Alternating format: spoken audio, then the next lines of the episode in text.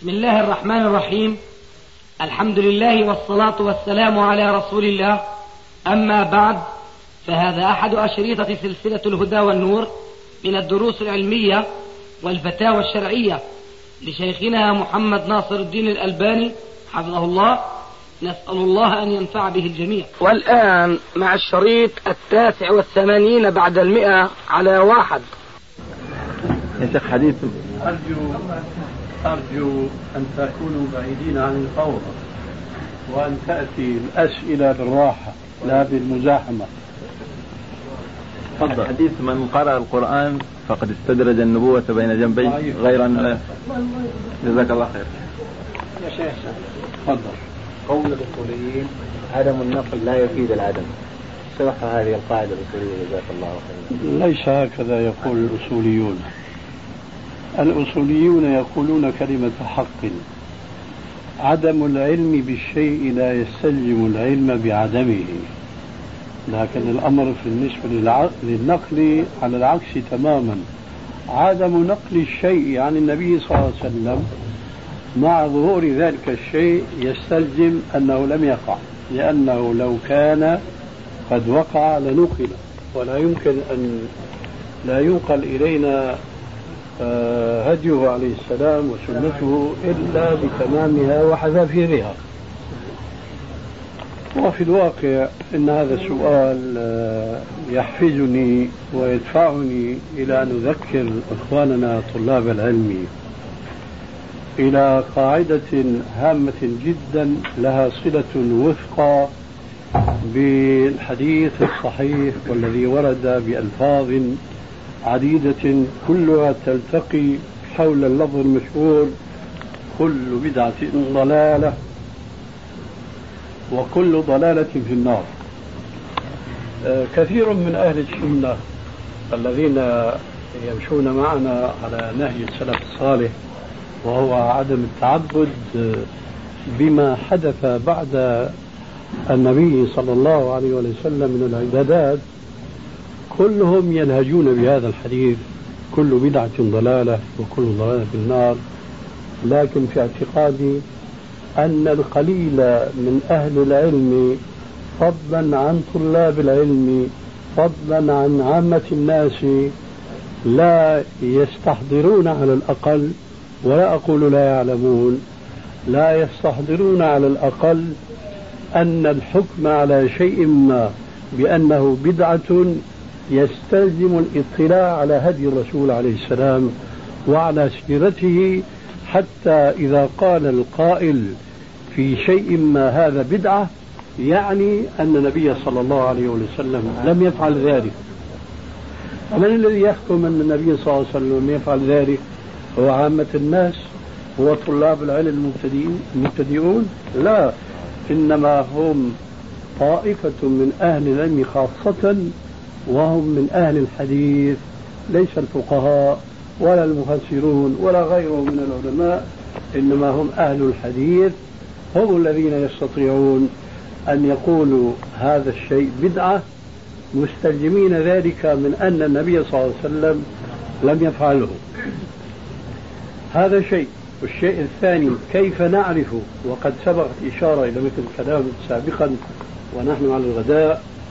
كيف نعرف أن النبي صلى الله عليه وسلم لم يفعل الشيء الفلاني حتى يسوغ لنا أن نحكم عليه بأنه بدعة؟ كثير من الناس حينما نقول لهم لا تفعل هذا يا أخي هذا بدعة. أول ما يبادرك بقول طيب نهى عنه الرسول عليه السلام؟ نقول له نهى وما نهى. ويفهم هذا هذين اللفظين متناقضين أهل العلم. نهى وما نهى. ما نهى كما يريد السائد. هل قال الرسول مثلا للمؤذن لا تصلي بعد الأذان ما نهى. نهى كيف؟ كل محدثة بدعة وكل بدعة ضلالة. هذا في معنى النهي تماما. فإذا حينما يقول الباحث بأن هذا الشيء بدعة يعني أن النبي صلى الله عليه وسلم لم يفعل هذا الشيء وهو عبادة. ولو كان عبادة لفعله عليه السلام أو على الأقل لا بينه للناس بقوله أو أقل القليل أن يرى ذلك ويقره. فبيان الرسول عليه السلام كما تعلمون أنواع إما بقوله أو بفعله أو بتقريره. من أجل هذا التفصيل قال عليه الصلاة والسلام ما تركت شيئا يقربكم إلى الله إلا وأمرتكم به. أي بينته لكم بهذا البيان الثلاثي المذكور آنفا وما تركت شيئا يبعدكم عن الله ويقربكم إلى النار إلا ونهيتكم عنه. الآن أنا أضرب لكم مثلا غير واقع لكن من أمثاله كثير ما هو واقع. أضرب لكم مثلا لو أن جماعة دخلوا المسجد ليصلوا مثلا السنة القبلية للصبح أو الظهر أو غيرها. فقال أحدهم ممن أوحى إليه أحدهم هو شيطان إنسي جندي جني ما, ما يهمنا. قال ما لكم تصلون هكذا عزين متفرقين؟ تعالوا نصلي سنة الظهر القبلية جماعة ويدعم ذلك بأحاديث صحيحة عن الرسول عليه السلام من قوله. فيقول مثلا قال عليه الصلاة والسلام يد الله على الجماعة. إذا تعالوا نجتمع ولا نتفرق بل يقول صلاة الجماعة تفضل صلاة الحج ب 27 درجة ويقول صلاة الرجل مع الرجل أزكى من صلاته وحده وصلاة الثلاثة أزكى من صلاة الرجلين إلى آخر الحديث. ماذا يكون فعل هذا الإنسان إذا جمع الناس على سنة القبلية؟ لا شك أن هذا يقال إنه بدعة والحمد لله إلى اليوم لم تقع مثل هذه البدعة لكن أمثالها بالمئات بل بالألوف. كيف ننكر هذه البدعة لو حدثت؟ لو أنكرنا هذه البدعة سيقول الجهلة هل نهى الرسول عليه السلام عن التجميع في السنن؟ لا نستطيع أن نقول له حسب طلبه. نحن ننكر عليه هذا التجميع لأنه أمر حدث بعد أن لم يكن. كيف نعرف أنه حدث؟ لابد أن يكون هذا الذي يقول هذا أمر حادث عنده إلمام وإحاطة وشمول بحياة الرسول عليه السلام وبسيرته وبخاصة ما كان متعلقا منها بشرعه. الذي أوحاه الله عز وجل إليه.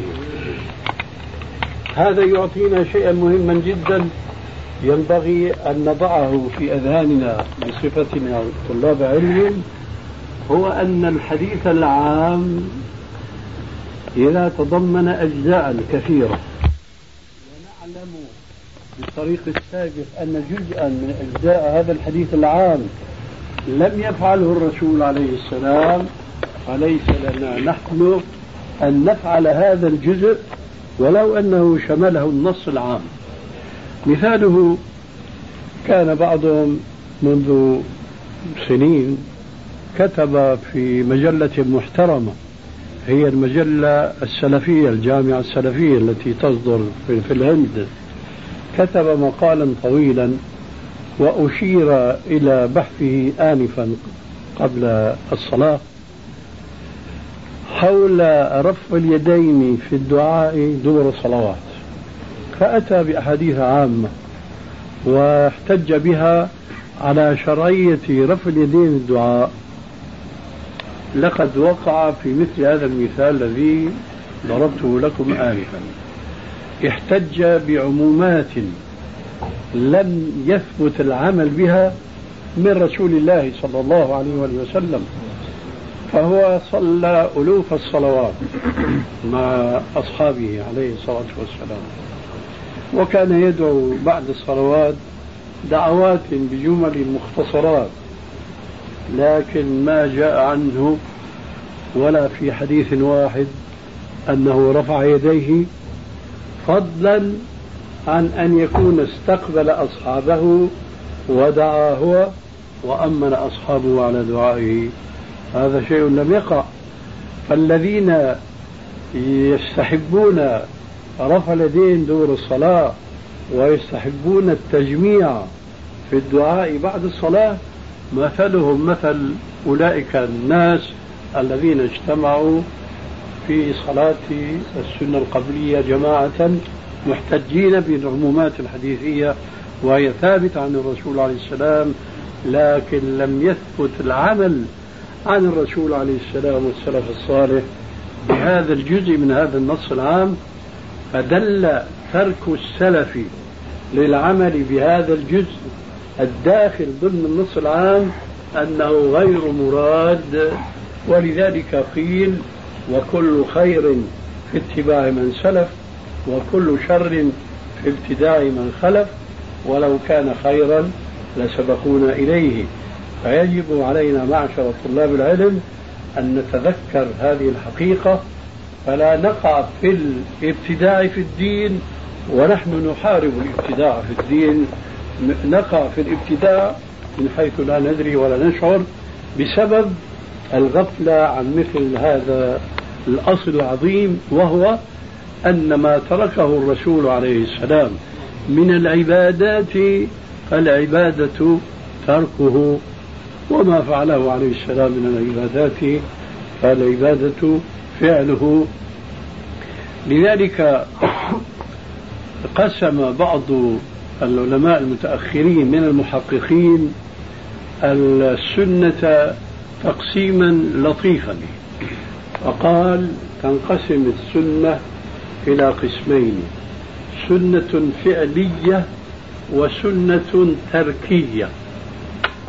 ليس تركية وإنما هي تركية. سنة فعلية وسنة تركية. أي ما نظنه من العبادات لكن نعلم أن الرسول عليه السلام ترك ذلك فالسنة الترك لذلك. والأمثلة بين أيدينا كثيرة وكثيرة جدا.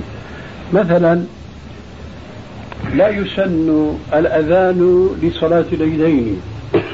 لا يسن الأذان لصلاة الاستسقاء لا يسن الصلاة الأذان لصلاة الكسوف والكسوف هل هناك نهي عن الأذان لهذه الصلوات؟ الجواب لا. لكننا نقول بلى. من أحدث في أمرنا هذا ما ليس منه فهو رد.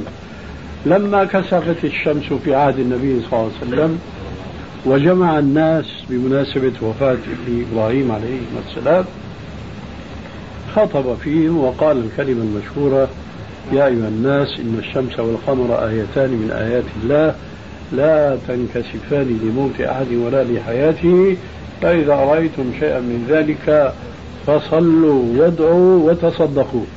ما أذن لهذه الصلاة وهي وقعت مرة واحدة في عهده صلى الله عليه وسلم. فلو كان الأذان خيرا لفعله عليه السلام.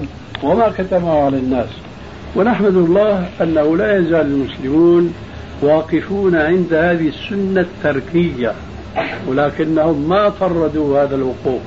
فجاءوا بكثير من العبادات بحجة أن النبي صلى الله عليه وسلم أولا منع عن ذلك وثانيا هي داخلة في النصوص العامة. إذا أي عبادة تدخل في نص عام لم يجري العمل بها في عهد الرسول صلى الله عليه وسلم فهي ليست عبادة ولو دخلت في نص عام. هذا ما أردت أن أذكركم به ونسأل الله أن ينفعنا بما علمنا وأن يزيدنا علما.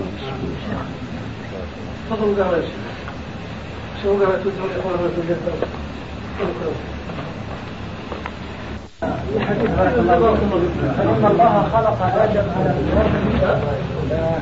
يقول أين يرجع الضمير؟ إلى الله إلى إلى آدم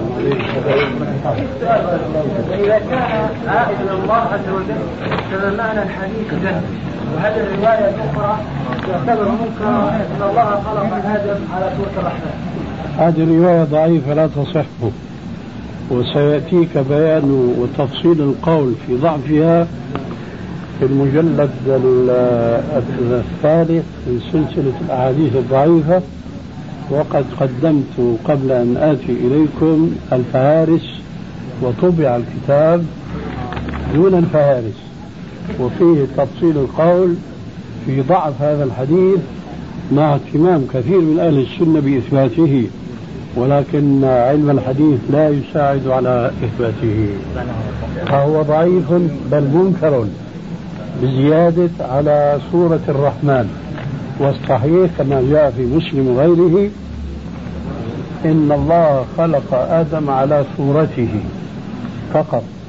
وجاء في صحيح البخاري من حديث أبي هريرة بزيادة تؤكد أن الضمير يعود إلى آدم حيث قال عليه السلام إن الله خلق آدم على صورته طوله ستون ذراعا. خلق آدم على صورته طوله ستون ذراعا. هذا نص صريح في أن الضمير يرجع إلى آدم عليه السلام. ولو صح الحديث بالرجوع إلى الله آمنا به دون تكييف ودون تأويل وتشبيه وتعطيل. نعم. يا شيخ هذا يعلق في المساجد.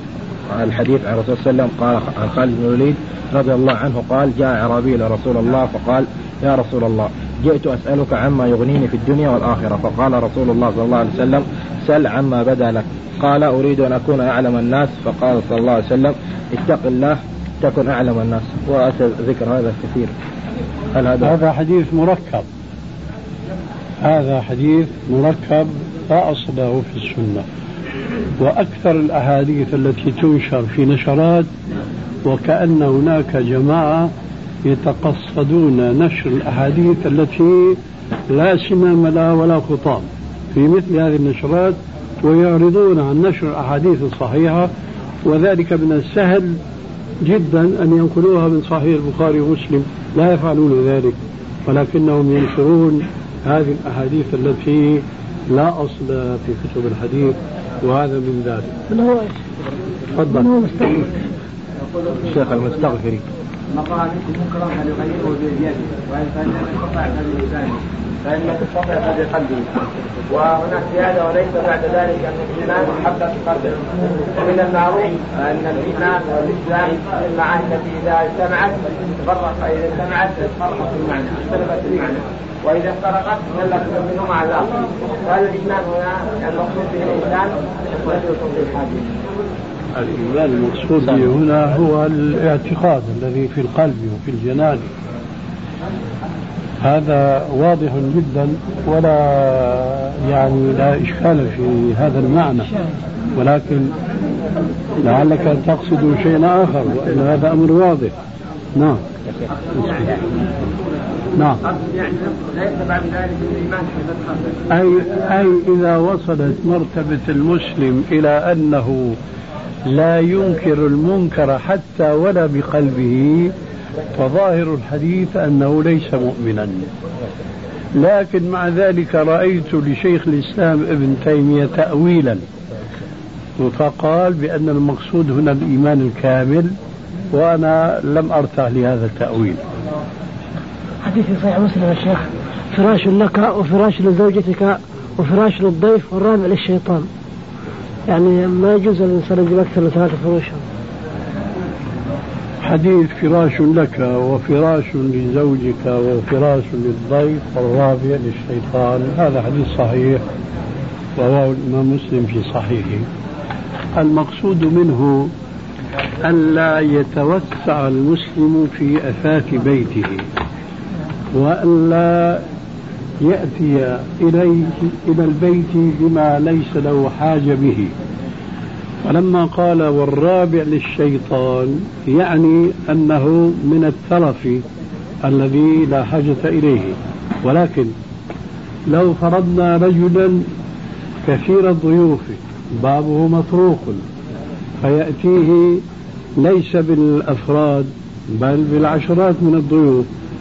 فصنع وهيأ فرشا فلا يكون الفراش الرابع بل ولا الخامس بل ولا العاشر والحالة هذه للشيطان أو من عمل الشيطان أو في في سبيل الشيطان ومرضاته.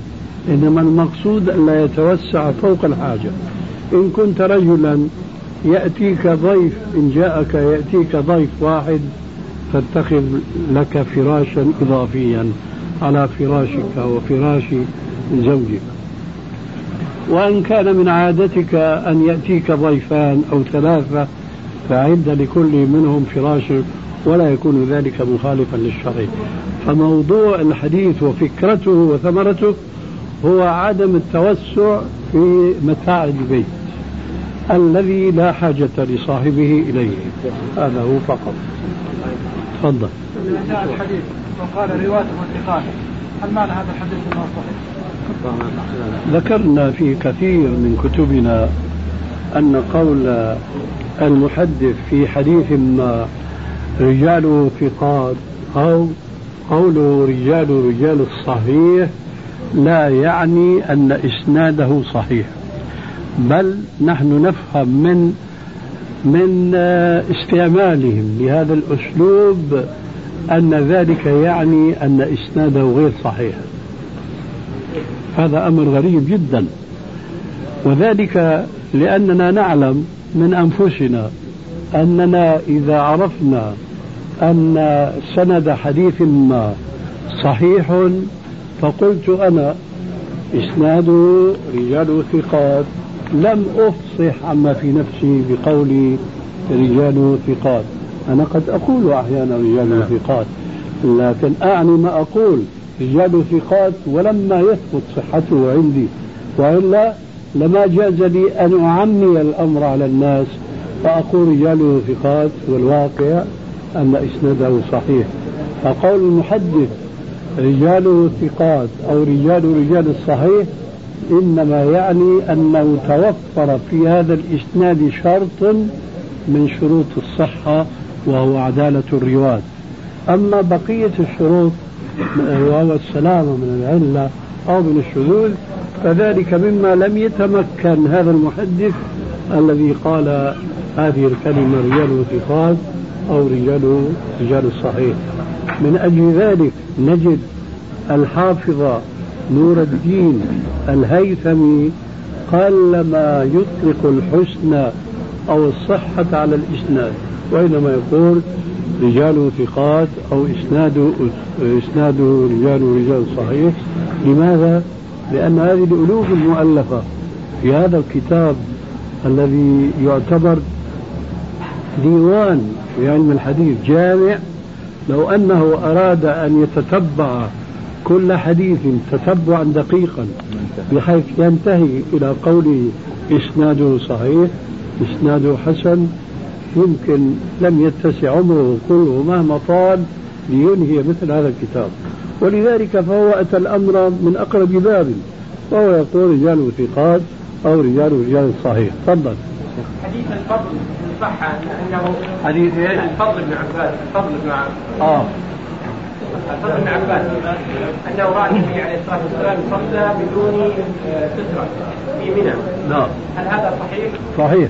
يمكن أن نجمع بينه وبين أحاديث الأمر باتخاذ الستره الجمع يكون بعدة طرق من علم أصول الفقه ولذلك الحقيقة لا يكفي أن يدرس طالب العلم مصطلح الحديث وأصول علم الحديث.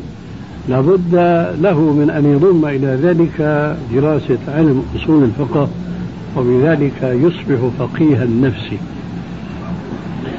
أول ذلك من القواعد وهذه آه، يشرحها الإمام ابن حزم في كتاب الإحكام في سور الأحكام. الأصل أن يؤخذ بالزايد فالزايد من الأحكام. إذا جاء نصان أحدهما يتضمن حكما زائدا على النص الآخر أخذ بهذا الزايد على النص الذي زيد عليه. كذلك من القواعد من علم حجة على من لم يعلم. ومن ذلك أن قول النبي مقدم على فعله. وهنا تجدون أن أقوال النبي صلى الله عليه وسلم كثيرة. في الأمر باتخاذ السترة ويعلل ذلك تعليلا شرعيا فيقول لا يقطع الشيطان عليه صلاته بل ويرتب على ترك اتخاذ السترة بطلان الصلاة في بعض الأحوال كمرور الحمار والمرأة والكلب الأسود.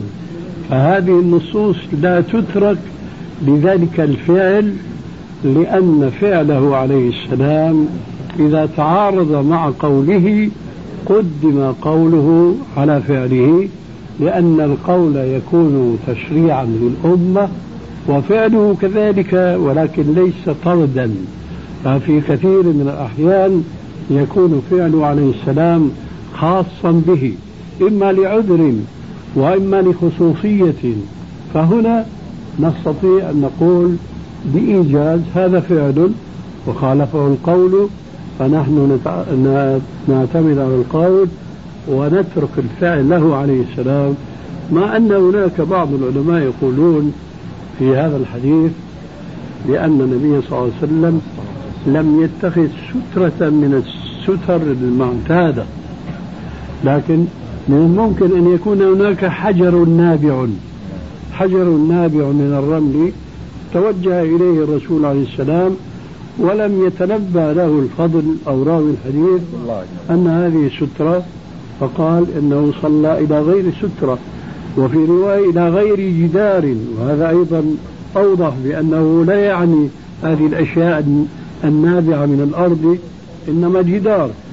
ومن القواعد العلمية أيضا التي تفيدنا في مثل هذا الصدد أن الدليل إذا طرقه الاحتمال سقط به الاستدلال.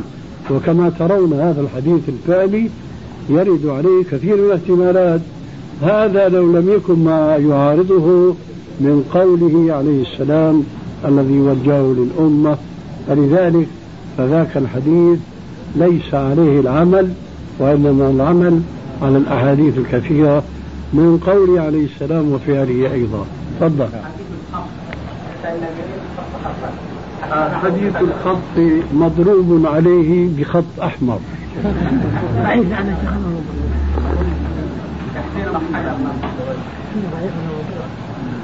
لا أكلف إلا نفسي.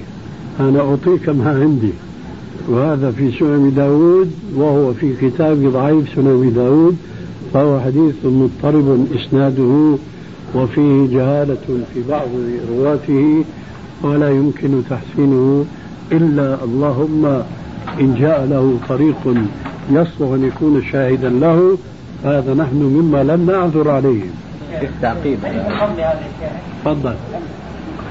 في سورة ياسين أن صفة اليد فماذا يقصد في صفة اليد هنا في الآية؟ في صفة ما في. عملت أيدينا في الآية؟ محمد. إن عملت أيدينا أنعام خلاص. أنعام فهم لها مالكون مقصود بأيدينا في الآية خلقنا لهم خلقنا لهم آه. ما عملت أيدينا أنعاما وهم لا مالكون المقصود الله عز وجل إذا كان يعني نفسه فلله عز وجل آه، يدان لا نعرف كيفيتهما وقد يعني من خلقه من الملائكة الذين وكلهم بأن يخلق آه، بأمره إياهم ما شاء ما شاء ربنا عز وجل من الخلق. هنا لا إشكال. إن كانت الأيدي هي من فعل الله عز وجل فهناك آيات وأحاديث كثيرة. أن لله عز وجل يدان دون تكييف بدون تشبيه وإن كانت الأيدي المقصود هنا أيدي الملائكة فالأمر حين ذاك أسهل والسلام عليكم. النساء شقائق الرجال أن الحكم الذي يتعلق بالرجال يسري إلى النساء أيضا. الحكم واحد بسم الله. جزاك الله خير النساء شقائق الرجال أن الحكم الذي يتعلق بالرجال يسري إلى النساء أيضا الحكم واحد بسم الله يكفي هذا؟ ما يكفي لماذا؟ وعليكم السلام ورحمة الله وبركاته إذا كان الرسول يقول عليه الصلاة والسلام إنما النساء شقائق الرجال وهو يقول يقطع صلاة أحدكم إذا لم يكن بين يديه مثل مغيرة الرحل المرأة والحمار والكلب الأسود. فلو كان هذا الحديث آه، صريحا في الرجال جاء الجواب السابق. فكيف وهو بلفظ أحدكم؟ ترى أحدكم لا يدخل فيه النساء؟ نحن الآن نعيد اللفظة السابقة. أنتم معشر العرب أفيدونا. إذا خاطب العربي جماعة. بلفظة أحدكم ترى لا يدخل في ذلك النساء. في فهم الأعجمي يدخل في ذلك النساء أيضا. فلو لم يدخل فحسبنا الحديث السابق إنما النساء شقائق الرجال. ولكن تفضل. المرأة لها ظروف معينة في الصلاة كقول النبي عليه الصلاة والسلام خير صفوف خير صفوف النساء آخرها وشر صفوف النساء أولها. وهذا مما يستدعي أن النساء يختلطن في الصلاة واللاتي يأتين متأخرات. ووضع النساء كونهن دائما في مؤخرة الصفوف. وكونهن يصففن خلف الرجال والغلمان والأطفال يصففن أمامهم. يعني هذا يدعو إلى أنه يكثر الحركة. وهذه ناحية. الناحية الأخرى يكثر الحركة إيه يعني؟ يعني تكثر حركة المرور أمام النساء باعتبار أنهن في مؤخرة الصفوف يصلين. هذه الواحدة. الواحدة الأمر الآخر أن الحكم لعل له تعليل في جعل الرجال يقطع تقطع صلاتهم المرأة لأن المرأة باعتبارها يعني تثير انتباه شيء من هذا. فالمرأة أمام المرأة أقل إثارة من هذا الأمر والله أعلم. صدقت والله أعلم. لكن لو سألنا سائل هل يقطع صلاة المرأة الحمار والكلب الأسود؟ نعم ما الدليل؟ الحديث.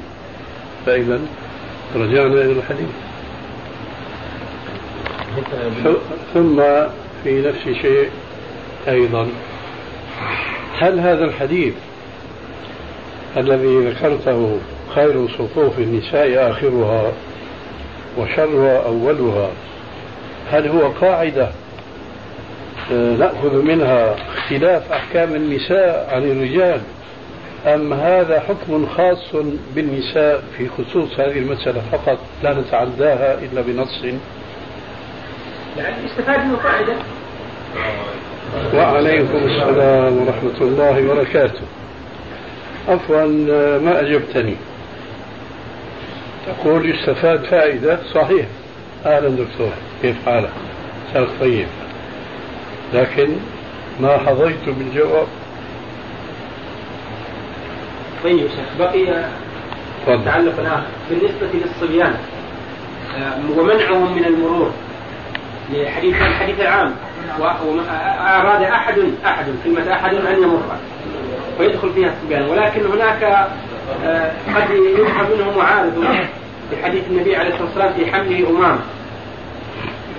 فهناك من يسأل من الإخوان ربما الصبيان لا يعني واحد لا, لا يستطيع التحكم فيهم وبعدين منع الصبي ومدافعته ليس كدفع الرجل العاقل يعني.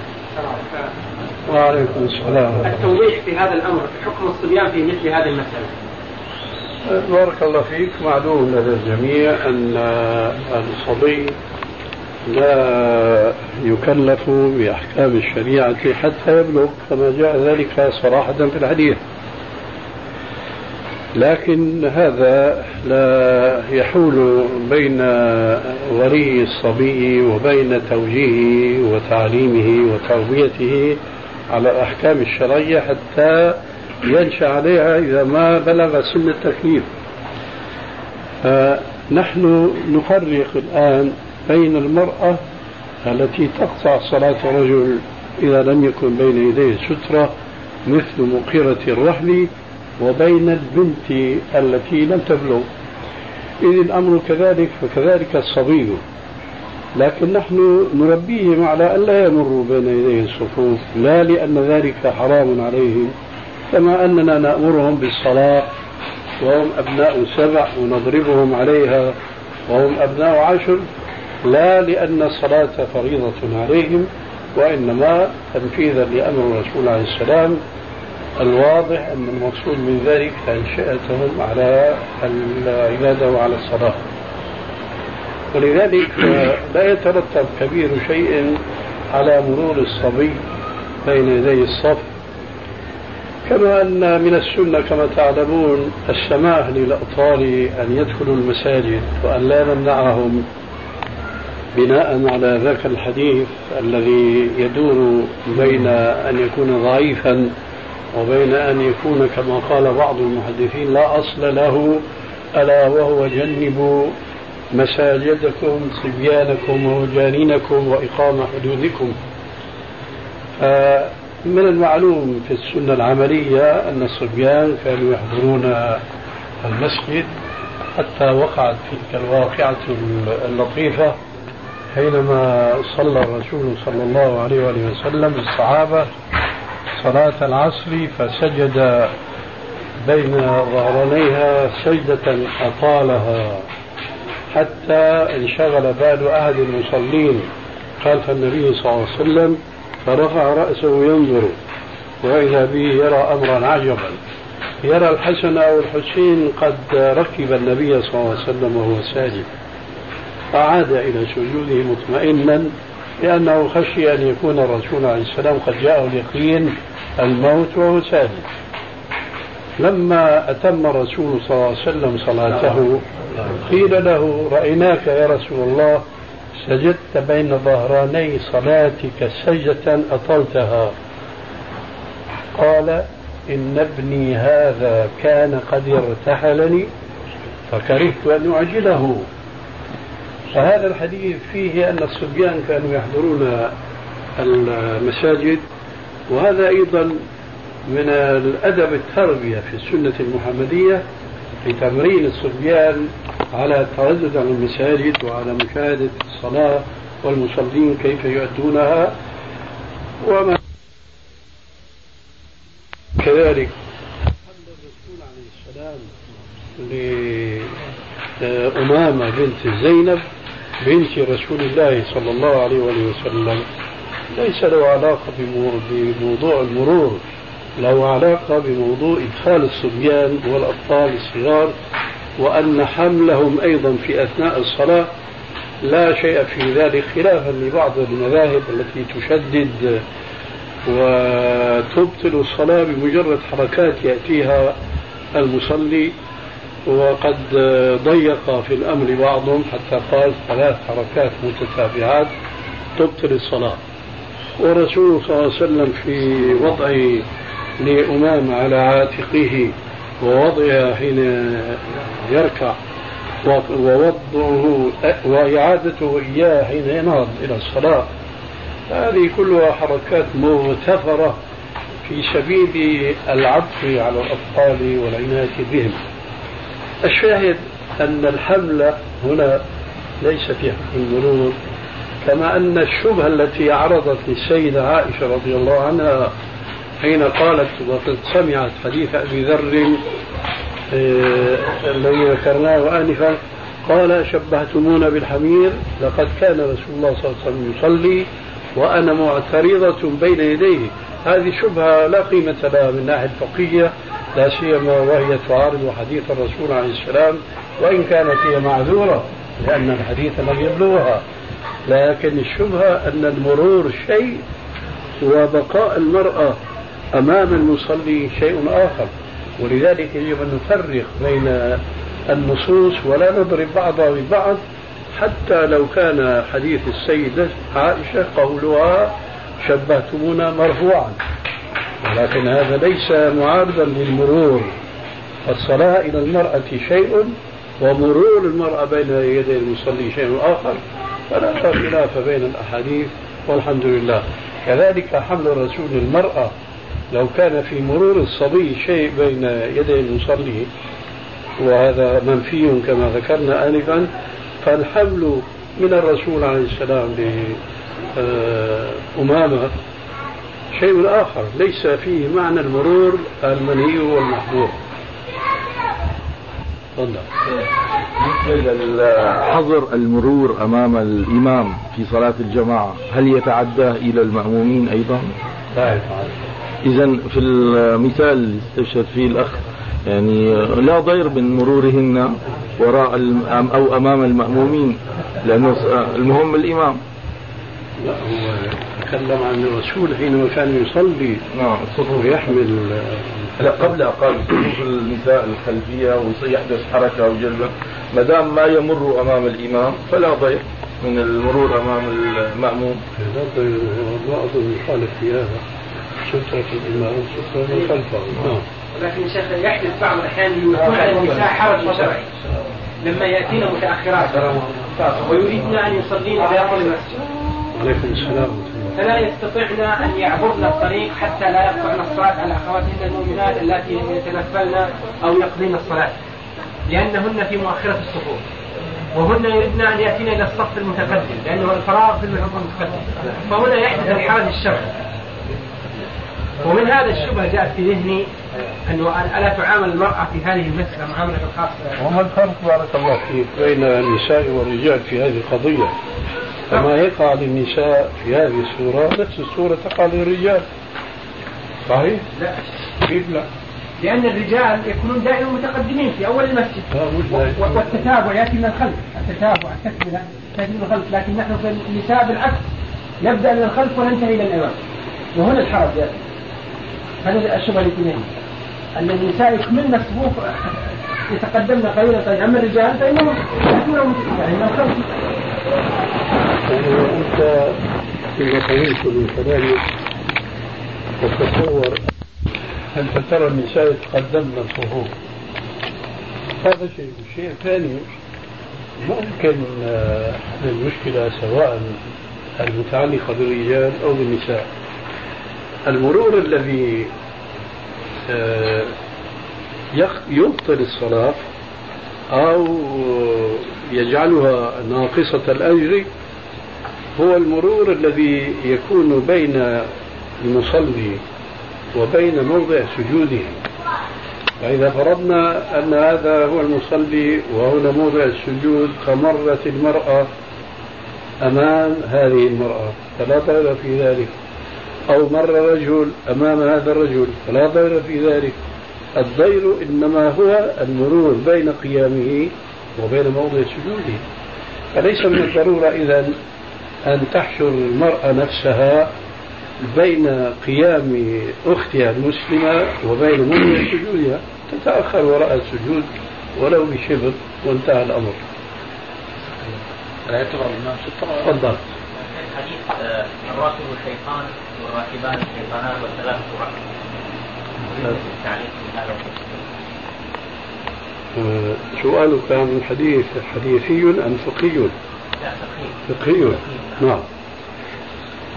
الحديث يعني أنه لا يجوز للمسافر أن يسافر وحده ولا أن يكون معه ثان فإن الراكب وحده شيطان والراكبان شيطانان والثلاثة ركب أي آه، إذا سافروا ثلاثة فهذا السفر جائز. أما الواحد والإثنان فلا يجوز. وهذا الحديث فيه تفقه على النحو الآتي إما أن يقال بأنه معقول المعنى أو إنه تعبدي. فإذا قيل بأنه معقول المعنى فحين ذاك ليس هذا الحديث على إطلاقه. وإذا قيل إنه تعبدي وقف مع لفظه فلا يجوز الأمر الذي لم يجوزه الرسول عليه السلام. والفرق بين أن نقول بأن الحديث معقول المعنى وبين أن نقول إنه تعبدي أن الرجل إذا سافر وحده مثلا في سيارته في سيارته. وفي طريق مسلوك مطروق لو أصيب أو حل به شيء وجد من يغيثه أو يعينه أو يساعده بخلاف ما لو استغفر في صحراء وحده حيث لا توجد هذه المعونة التي نتصورها أو نتخيلها فهناك لا يجوز لوجود هذه العلة المقتبسة بالنظر الفقهي الصحيح أما إذا قيل بأن الحديث تعبدي لا نعرف الحكمة ولا ما هي النكتة من تسمية الرسول عليه السلام الراكب واحد شيطان وراكبين شيطانين فحينئذ نقول لا يجوز مطلقا السفر إلا مع ثلاثة فأكثر هذا الذي أفهمه. وهذا الذي أذكر كنت ذكرته في المجلد الأول حينما خرجت هذا الحديث وتعرضت لشيء من فقهه. تفضل دكتور. الحديث ينهى عن الصلاة ثانيا في المسجد الجماعة الثانية. نعم. ما رأيتكم فيها؟ ليس هناك بارك الله فيك حديث صريح ينهى عن الجماعة الثانية. لكن هناك تفقه في بعض الأحاديث الصحيحة وفي بعض الآثار الثابتة عن الصحابة يؤدي إلى أن الجماعة الثانية لا تشرع بشرط أن تكون في مسجد له إمام راتب ومؤذن راتب. ولا شك أن أهل العلم العلم يفرقون بين الحكم المستنبط استنباطا من الكتاب والسنة وبين الحكم الذي جاء النص عليه صراحة في الكتاب أو السنة فإذا كان الحكم من النوع الأول فلا يجوز أن يقال نهى رسول الله عن الجماعة الثانية وإنما يقول أنا أرى وأفهم من مجموع ما جاء في هذا الموضوع من الأحاديث المرفوعة والآثار الموقوفة أن هذه الجماعة لا تشرع كان فيما مضى عليكم السلام ورحمة الله وبركاته. كان فيما مضى بعض الفرق المنحرفة عن الكتاب والسنة. ترى أن كل حكم قام الفقه الصحيح على إثباته جاز نسبته إلى النبي صلى الله عليه وسلم. وهذا طبعا مما أنكره أهل السنة جميعا ونسبوهم إلى الابتداع والضلال لأنهم يتقولون على رسول الله صلى الله عليه وسلم ما لم يقل ولو كان الاجتهاد من الناحية الفقهية اجتهادا صحيحا. آه ما أدري إذا هل كان سؤالك عن الحديث أم عن الحكم؟ فإن كان سؤالك عن الحديث فقد عرفت أن لا حديث هناك وإن كان سؤالك عن الحكم فهذا له بحث خاص هل هناك شيء آخر؟ وعليكم السلام ورحمة الله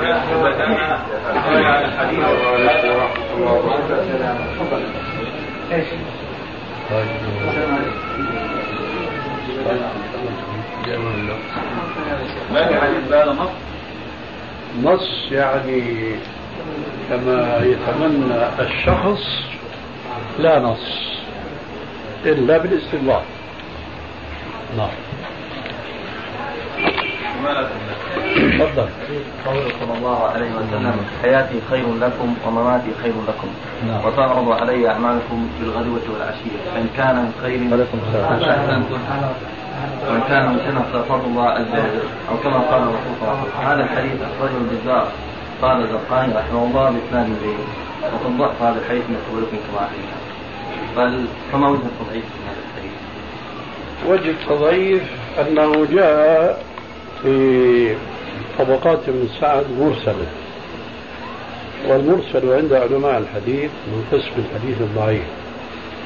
أما إسناد البزار الذي جوده من جوده.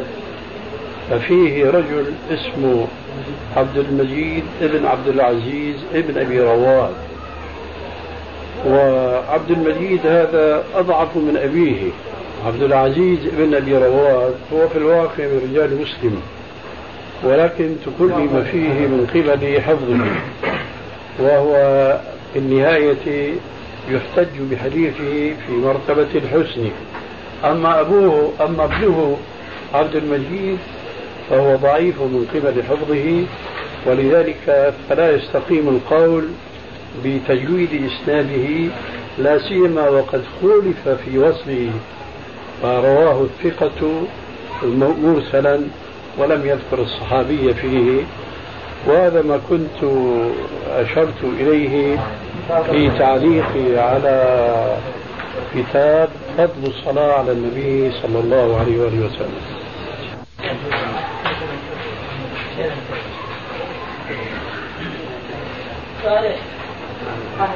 تفضل. توحيد الثلاثة توحيد الربوبية.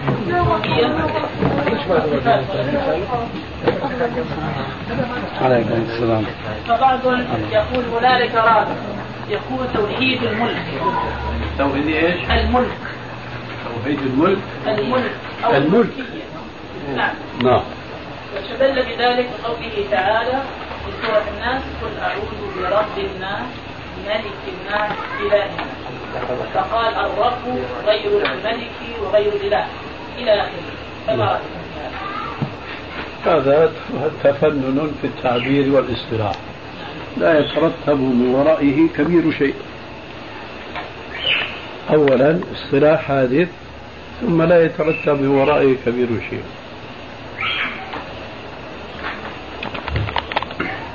نعم. ادعى بعض طلاب العلم أن هناك حديثا في مسند الإمام أحمد فيه التصريح بوضع اليدين على الصدر بعد الركوع. فما هو مدة صحة هذا الكلام؟ هذا وهم. وسوء فهم. الحديث الذي يشير إليه السائل هو في مسند الإمام أحمد بعبارة لا تعني الوضع بعد الركوع لأنه بعد أن ذكر ما شاهد من النبي صلى الله عليه وسلم من افتتاح الصلاة و والقراءة والركوع ذكر جملة عطفها على ما قبلها قال ورأيته. بعد أن ذكر القراءة والركوع قال ورأيته يضع اليمنى على اليسرى. فهذه جملة معطوفة على الجملة الأولى. لو كان الحديث ثم وضع أي بعد أن رفع رأسه من الركوع ثم وضع اليمنى على اليسرى لكان حجة صريحة في ذلك. مع إمكان إدخال علة خفية وكثير من الأحاديث لها علل خفية لا يتنبه لها إلا أفراد من المحدثين القدامى وقد نعرض بهذا. لو كان الحديث ثم وضع اليمنى على اليسرى لكان هناك مجال كبير للاستدلال به على الوضع في القيام الثاني. لكن الحديث لم يرد كذلك في مسند أحمد وإنما جاء ورأيته.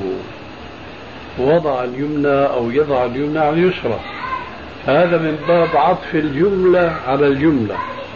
هذه أول شيء. ثانيا معلوم لدى أهل المعرفة باللغة العربية وأساليبها وآدابها أن الواو لا تفيد الترتيب إنما هي لمطلق الجمع. فهو صادق حينما يقول رأيته يضع اليمنى على اليسرى لكنه لم يحدد المكان. لم يقل أولا ثم ولم يقل ابتداء كان رسول الله صلى الله عليه وسلم يضع يديه في القيام الثاني أو بعد الركوع أو نحو ذلك.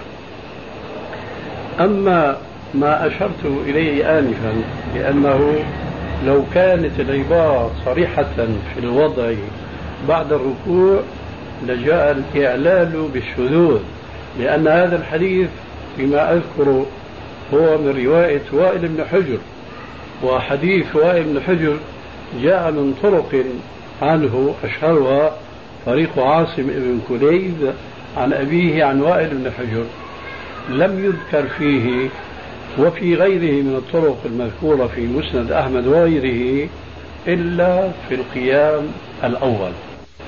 فإذا جاء مثل هذا الحديث وأراد أحد أن يثبت به الوضع بعد الركوع وهذا كما قلنا من الناحية العربية غير سليم لكن على افتراض أنه من حيث الأسلوب العربي العربي يفيد الوضع بعد الركوع لقلنا إذا صار هنا وضعان الوضع في القيام الأول والوضع في القيام الثاني. فأين الوضع في القيام الأول؟ لم يذكر هذا الراوي. إنما ذكر الوضع في القيام الثاني. فهذا شذوذ مخالف لأحاديث وائل من طريق آه، عاصم بن كليب عن أبيه عن وائل والطرق الأخرى المذكورة في مسند الإمام أحمد. وهذا في الواقع. السلام عليكم وعليكم السلام ورحمة الله وبركاته.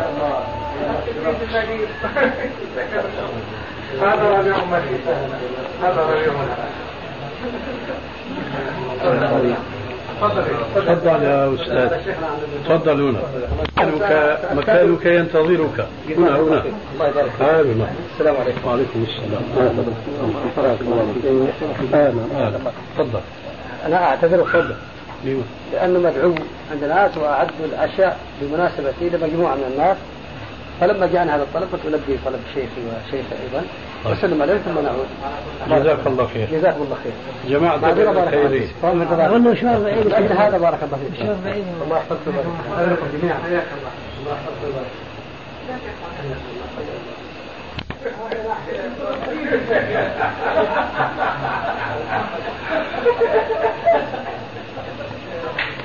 سلسلها بالبريد هنا؟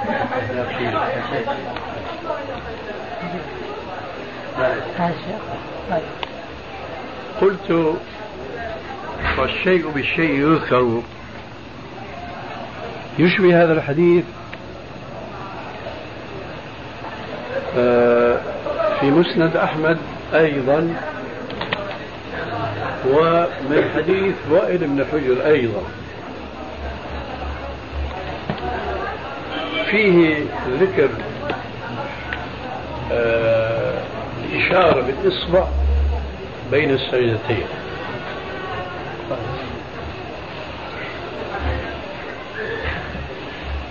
السياق لا يعني يساعدنا إلا أن نقول من حيث الأسلوب العربي أنه لا يمكن أن نفهم من هذا السياق إلا أنه يعني بين أو الإشارة بين السجدتين. لكن حينما نقابل هذه الرواية الروايات الأخرى المشار إليها آنفا عن وائل بن حجر وهذا الحديث بالذات الذي فيه الإشارة بين السجدتين جاء من طريق أيضا عاصم ابن كليب عن أبيه عن وائل. وفي ذهني أن الإمام أحمد رحمه الله رواه من طريق عبد الرزاق. قال حدثنا سفيان. قال حدثنا عاصم ابن كليب عن أبيه عن وائل بن حجر وذكر شيئا من صفة صلاة النبي صلى الله عليه وسلم ثم ذكر السجود الأول. ولما رفع رأسه جالسا بين السجدتين ذكر الإشارة ثم سجد. فهذا الإسناد إذا نظر إليه مفصولا عن الرواية الأخرى عن عاصم بن كليب قيل إنه إسناد صحيح. تتمة الكلام في الشريط التالي. طرق كلها عن عاصم بن كليب عليكم السلام يجد فارقا كبيرا بين تلك الطرق عن عاصم حيث أن كلها اتفقت على ذكر الإشارة في التشهد دون التعرض للإشارة